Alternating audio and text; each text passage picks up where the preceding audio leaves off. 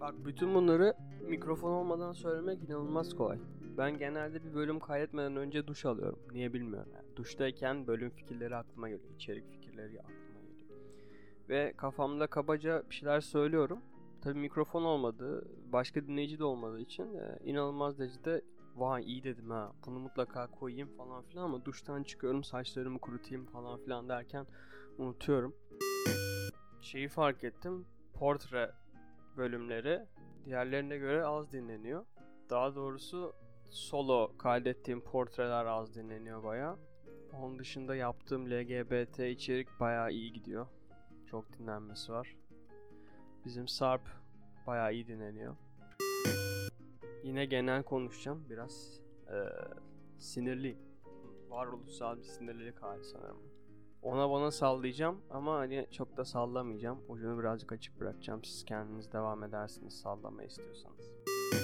Şimdi öncelikle self portrait'i ben bir işte Podbee olsun, e, Storytel olsun ufak çaplı hani evde kendim yapabileceğim şekilde bir medya kuruluşuna çevirmeye çalışıyorum. Genel olarak da şimdi ben eskiden Kur Radyo'da yayın yaparken de dinlediğim, beğendiğim ya da arkadaşlarımın programlarının reklamını hep yapardım. Bilmiyorum neden ama sanırım sanki işte beni dinleyen insanlar onu da dinlerse, onu da dinleyen insanlar beni dinlerse beraber toplanıp birleşerek çoğalırız gibi bir düşüncem var sanırım.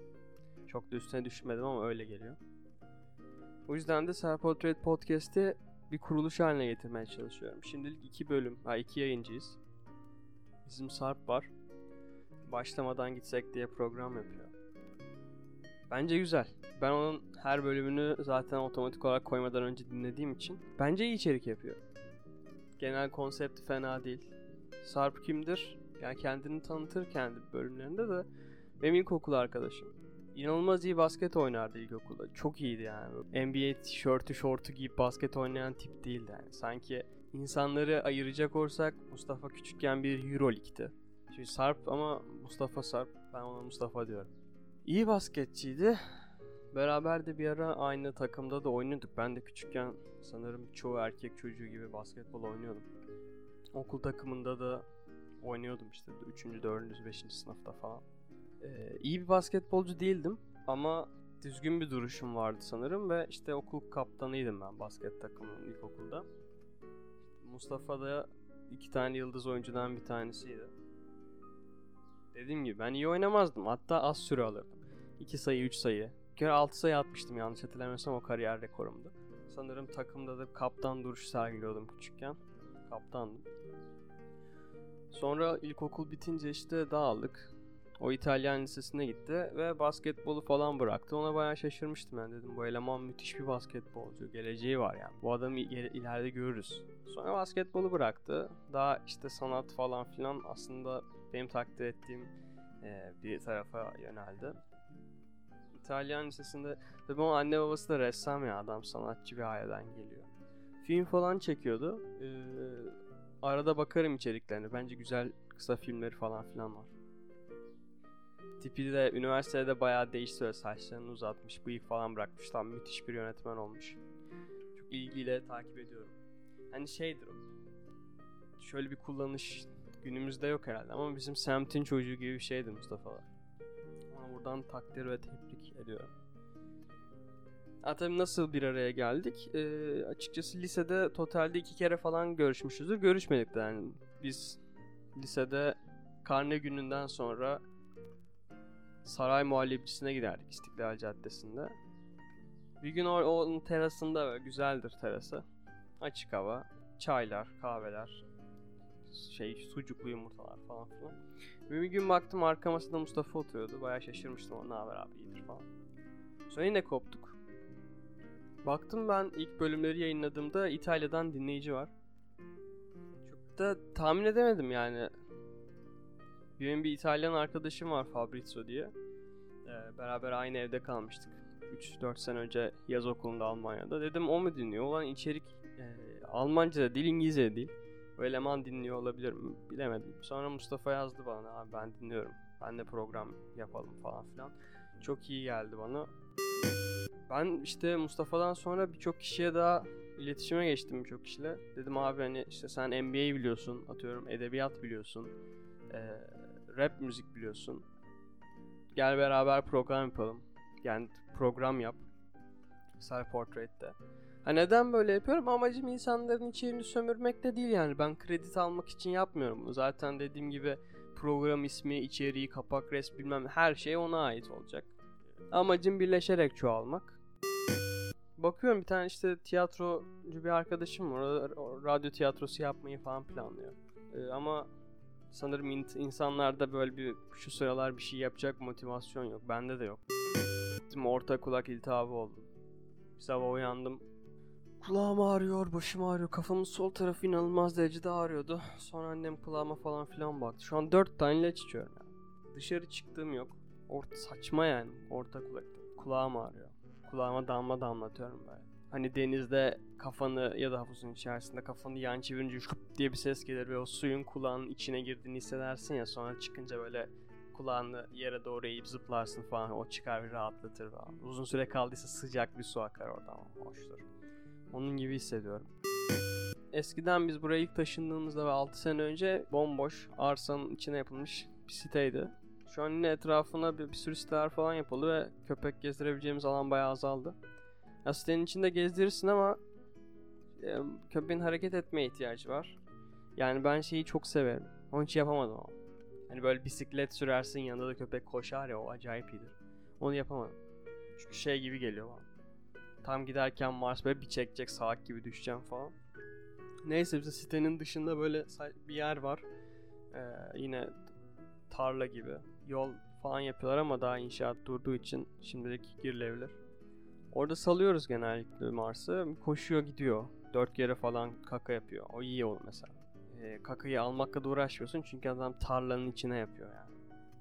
Sokak köpekleri var. Onlar da köş uzakta bir kendi mekanları var. Ee, biz gelince böyle bir uzaktan avlıyorlar ama çok da yaklaşmıyorlar. Mars da oraya gitmiyor. Böyle herkesin kendinin çizgisini çektiği bir ortam var. Bence başarılı bir paylaşım. Öte yandan orada hamile bir köpek vardı. İşte çocukları oldu şimdi böyle 5-6 tane ufak e, uzaktan görüyorum tabii çok yaklaşamadım. Dolanıyorlar. İnsanlar e, arabalarından inip onlara yemek falan veriyorlar. Bu iyi bir şey. Ama bilmiyorum. Yani bakıyorsun şimdi sokakta işte ağacın dibi çöp tenekesinin dibine biri böyle 5 tane ekmek parçalayıp koymuş. Toprakla karışmış falan filan saçma sapan. Yani ben üzülüyorum. Okey düşünce güzel hani nedir bu ziyan olacak bari sokak köpekleri iste. E, sokak köpeği de bok yemek zorunda değil ama yani. 3 sene önce falan biri bir torba balık kafası bırakmış satayım. Balık kafası ya ne bok gibi de kokuyor. Bizim Mars'ta o sıralar ne bileyim içgüdüsel böyle inekler dolaşıyordu. İnek kakasının içine yatıp böyle her tarafını buluyordu ona. Geri zekalı balık kafaların içine girmiş. Allah belasını ver. Böyle bir koku olamaz. Ben kusacaktım. Dediğim gibi böyle leş gibi kokan bir torba balık kafasını köpekler niye yesin? Bak düşüncesi şu an midem bulandırdı. Ee, çöp konteynerlerin yanında iğrenç gözüken kokan tuhaf yiyecekler bırakıyorlar. Hani iyilikten ziyade zorunlu bir e, bencillik halinin e, nedir mastürbasyonu ya da hani bencillik olmasın sokak köpeklerine ben yemek veriyorum diye ama çöpe atacağın şeyi veriyorsun. Okey. Ha tabii şey yapan da var. Bayağı adam ko- kuru mama almış kocaman poşet onu koyuyor falan Bunlar güzel şeyler bazı. Yine konuyla oradan oraya atladım. Bu aralara böyle belki bir geçiş efekti koyarım. Ben Scam diye bir dizi izlemiştim bir 3 sene önce falan. Yani inanılmaz iyi bir dizidir. İşte Norveç dizisi. Yanlış bilmiyorsam Norveç'in TRT'sinde falan yayınlanan acayip iyi bir gençlik dizisiydi. 4 sezonu var. Her sezonda da aynı arkadaş grubundan farklı birinin başrolü olduğu, onun bakış açısından izliyorsun falan filan. Onda şey hoşuma gidiyordu. Bunlar Oslo'da yaşıyordu. Şimdi Oslo dediğimiz yer pratikte yani dizide gösterilen kadarıyla bizim Bahçeşehir'den daha merkezi e, bir topluluk. Yani şöyle daha küçük, e, düz ve her yer herkes birbirine yakın. Bu elemanlar devamlı parti yapıyor. Arıyorsunuz satayım. Herkes geliyor. Çünkü tramvay var. Şehrin tramvay dediğimde bayağı bizim İstiklal Caddesi'ndeki o nostaljik tramvay gibi. E, mesafe küçük, düz. Yani biz Bahçeşehir'de oturuyorum ben. Ulan yan sistemde çok yakın arkadaşım var. Arada ne var? 4 kilometre. 4 kilometre yürünmeyecek bir yol mu? Yürünür ama otobanın kenarı gibi ıssız ve çirkin ve çıplak bir yol. Doğru düzgün bir yol olsa keyifli bir şekilde hem de sağlıklı bir şekilde 4 kilometre yürürsün. Aşağı 40-45 dakika sürer. Bence çok iyi. Yürünür ama burada yürünemiyor. İlla bir araba gerekiyor. Yani e, araba araban olunca da işte içki içemiyorsun gittiğin yerde. Arkadaşların götürüyor içkileri. Sen işte abi ben az içeyim. Çünkü eve geri döneceğim. Hadi süreceğin yol 4 kilometre ama sarhoş araba kullanamazsın yani. O yüzden o çocuklara çok özeniyordum ben Oslo'da yaşayan e, ergen kardeşlerimize. Herkes birbirine yakındı. Herkes birbirine yürüyerek partiye gidiyordu. Bir de ben o dizide ilk defa şeyi görmüştüm. Pre-drinking olayını. Bence muazzam bir olay. Pre-drinking dediğimiz şey böyle bir partiden önce birinin evinde buluşup e, içiyorlar.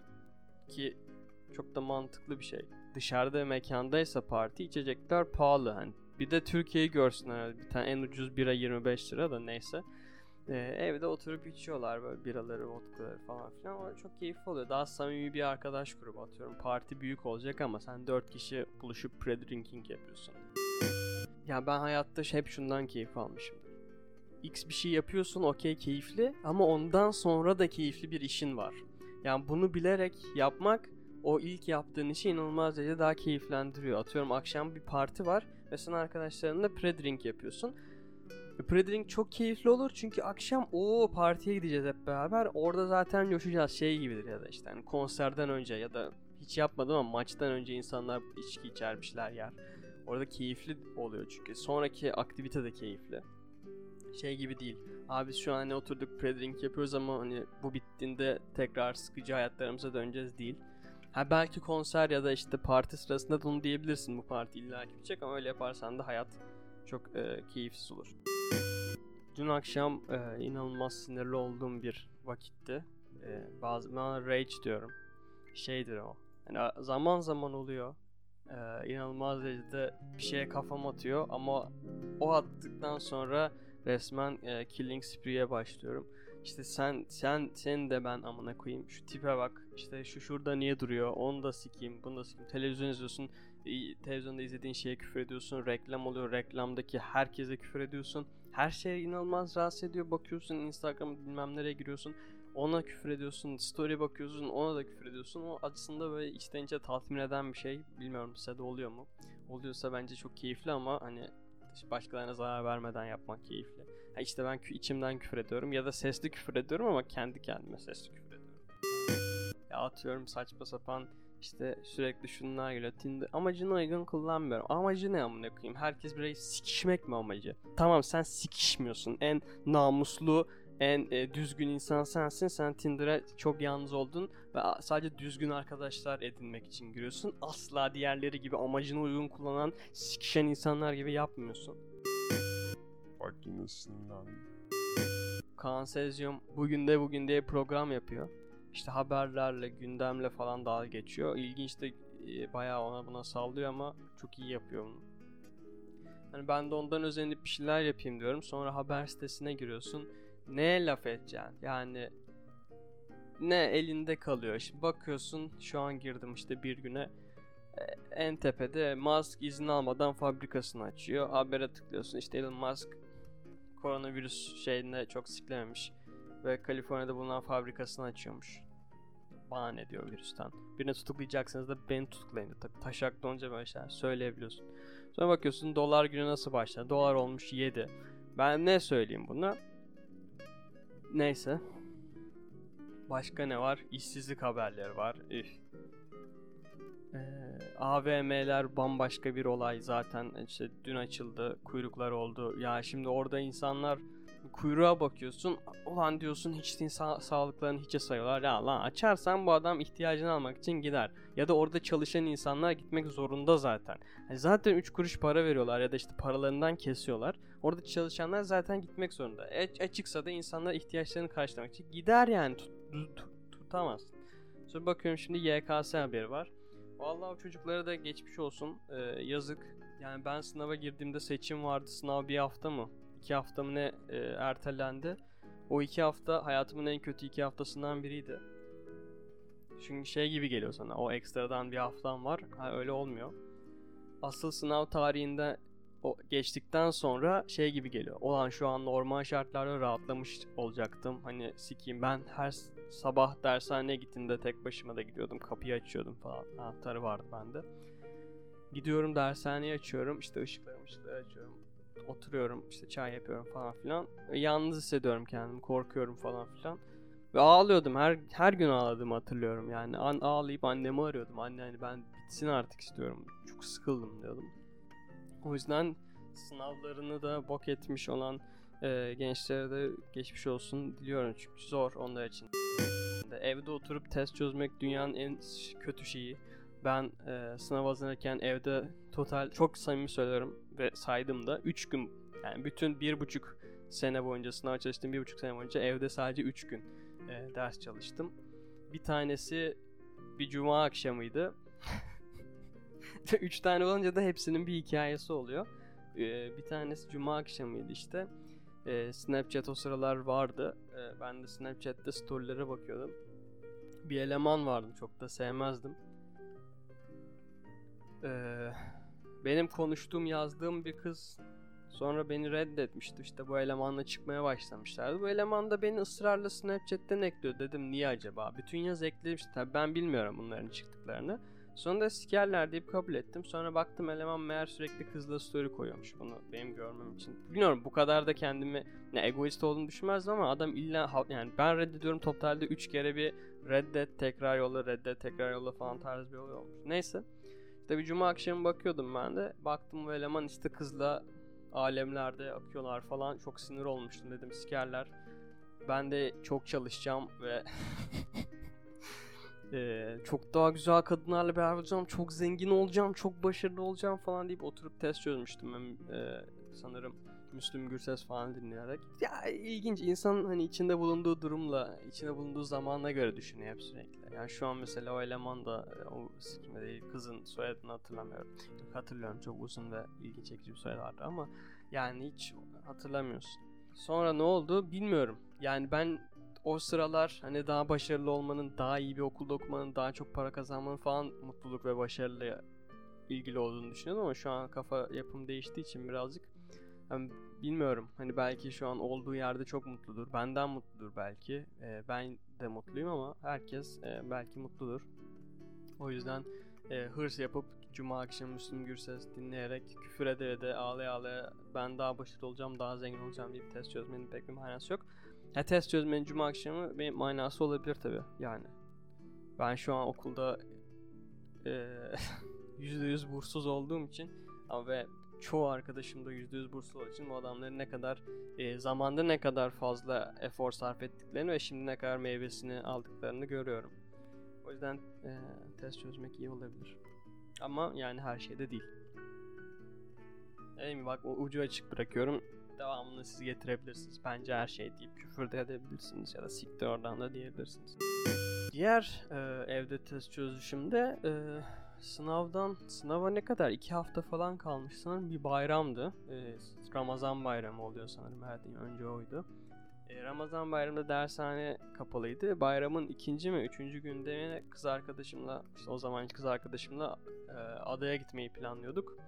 O yüzden adaya gitmeden bir önceki günde e, bütün gün bahçede oturup coğrafya testi çözmüştüm. İşte yaprak testleri vardı. E, o da tatsızdı çünkü hani bahçede test çözmeyi sevmiyorum. Bakın bahçem var falan filan ama hani bahçede de ay götümlük cümleler kuruyorum ama bahçede test çözmek çok keyifli olmuyor. Ertesi günde adaya gitmek için toplanmıştık. Toplanmış dedim kız arkadaşımla buluşmuştuk Eminönü'nde e, vapura binmek için. Baktık bu ada vapuru şey Bangladeş'teki hani tren fotoğrafı vardır ya bir tane. Oradan buradan insanlar sarkıyor. Çok kalabalık. Dedik oha bu kadar insan adaya gidiyor olamaz. Biz de o yüzden Kadıköy'e gitmiştik ve Kadıköy'de oturmuştuk. Güzel bir gündü. Sınava iki hafta kalmış olsa bile kafamı bayağı dağıtmıştım o gün. Onun yanındayken sınavla alakalı hiçbir şey yoktu kafamda tane kahvecimiz vardı. Bu da güzel bir anı bence. Neydi? Ben's Coffee Roast mı? Öyle bir kahvecimiz vardı modada. Orada oturup e, cold brew kahve içerdik beraber. E, iki kere falan yaptık bunu ama hep oraya giderdik yani. Sonra ondan birkaç hafta sonra değil bir ay sonra falan işte sınav falan bitmiş bir konsere gitmiştik. Konserde ben tuvaletten çıkınca o kahvecideki barista ablayla karşılaşmıştım. Ee, benim için çok müthiş bir andı. Sonra kadın, kadın ama inanılmaz soğuktu zaten. Orada da çok soğuktu. Ben de siz orada bilmem nerede mi çalışıyorsunuz falan filan. O da evet ne alaka falan demişti. Ben de ha işte işte sizin için oraya gidiyoruz falan çok seviyoruz falan. O da ha okey deyip dönmüştü. Şimdi tekrar dediğim gibi haberlere dönecek olursan e bakıyorsun işte bir haber Malazgirt sevdasında 46 milyon TL yorum yapmayacağım. Sınavlar ertelensin bunu konuştuk. Dindar nesil projesi neden gençlerde etkili olamadı? Ya hassas konu. Ee, çok konuşmak isterdim. Ee, konuşayım amına koyayım.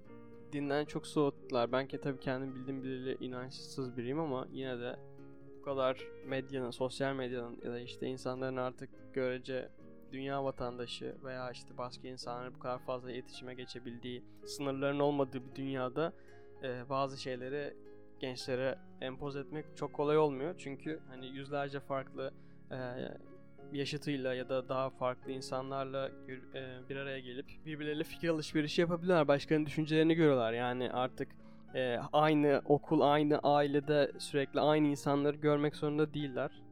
Bu da insanların üstüne bir özgürleşmesini sağlıyor. Üstüne üstlük sürekli aynı vurguyu, baskı yapınca da bir noktada patlıyor. İşte haberler bu kadar. Hani çok dediğim gibi yüzeysel. Bir şey söyleyemiyorsun. Yani neden ne söyleyebileceksin ki ben şeyi fark ettim. Yani bir şey değiştirmek o kadar kolay değil. Hani zaman zaman bazen nüks ediyor bende. İşte bir şeyleri değiştirebilirim. Bir yere faydam olabilir, insanlara yardım edebilirim falan filan. Sonra işte kendime geliyorum, bir nefes alıyorum, dışarı çıkıyorum. Hava alıyorum sonra siktir lan diyorum kendime. Ya ben neyi değiştirebilirim? Ee, burada size umutsuzluk empoze etmeye çalışmıyorum ama yani çok da kendimizi fazla önemli görmemeliyiz. Hmm, kendi dalgamıza bakmalıyız. Ben bunu zamanında çok düşündüm. Yani bireysel kurtuluşa önem veriyorum ben şu an açıkçası. Kendini kurtar kardeşim. Tabii ki başkalarına yardımcı olmak istiyorsan falan son, saygım sonsuz destek olabileceğim kadar olurum ama ben bıraktım. Ben pes. Ben 21 yaşında bir Türkiye Cumhuriyeti vatandaşıyım. Geçen televizyonda kadın biri şey dedi işte ben listemi yaptım işte bizim aile bir 50 kişiyi götürür falan filan. Şimdi kadın tanımıyorum ama aynı listede olsaydık belki o listesinden biri olacaktım. Ya gerek yok. Ya ben ölmek istemiyorum, yaşamak istiyorum. Mümkün olduğu kadar doğal sebeplerle ölmek istiyorum. Ee, bir süre, uzun bir süre yaşamak istiyorum. Of, mizah yapıp anlayamadıkları mizah yüzünden beni linç etmelerini işte hapse şey almak istemiyorum. Hapse atılmak istemiyorum. Ya da işte görüşüm farklı diye ben öldükten sonra mezarımı açıp yakmalarını istemiyorum yani. Geri zekalı bazı insanlar şey açıklamalar polis gidince yakarız o mezarı falan. Yani insanlığı unutuyor insanlar. Ben de o yüzden önce insan olmanın en önemli şartı olduğunu düşünüyorum. Önce insan olacaksın sonra da kendine bakacaksın. İşte böyle bu da bir portre bölümüydü. Oradan oraya atladım. Ama e, umarım beğenmişsinizdir. Bundan yenisi gelir. Kendinize çok iyi bakın. E, beğendiğiniz içerik olursa işte Cemciğim şu parta devam et. Bak haber parti güzelmiş. Yok işte ona buna sövme parti güzelmiş. Anı, anı parti güzelmiş falan filan derseniz e, okey. Kendinize iyi bakın. Çok da kasmayın. Akıl sağlığınızı koruyun. Önemli olan mutlu olmak. Hadi mutlu olun. İnsan olun. Peace out.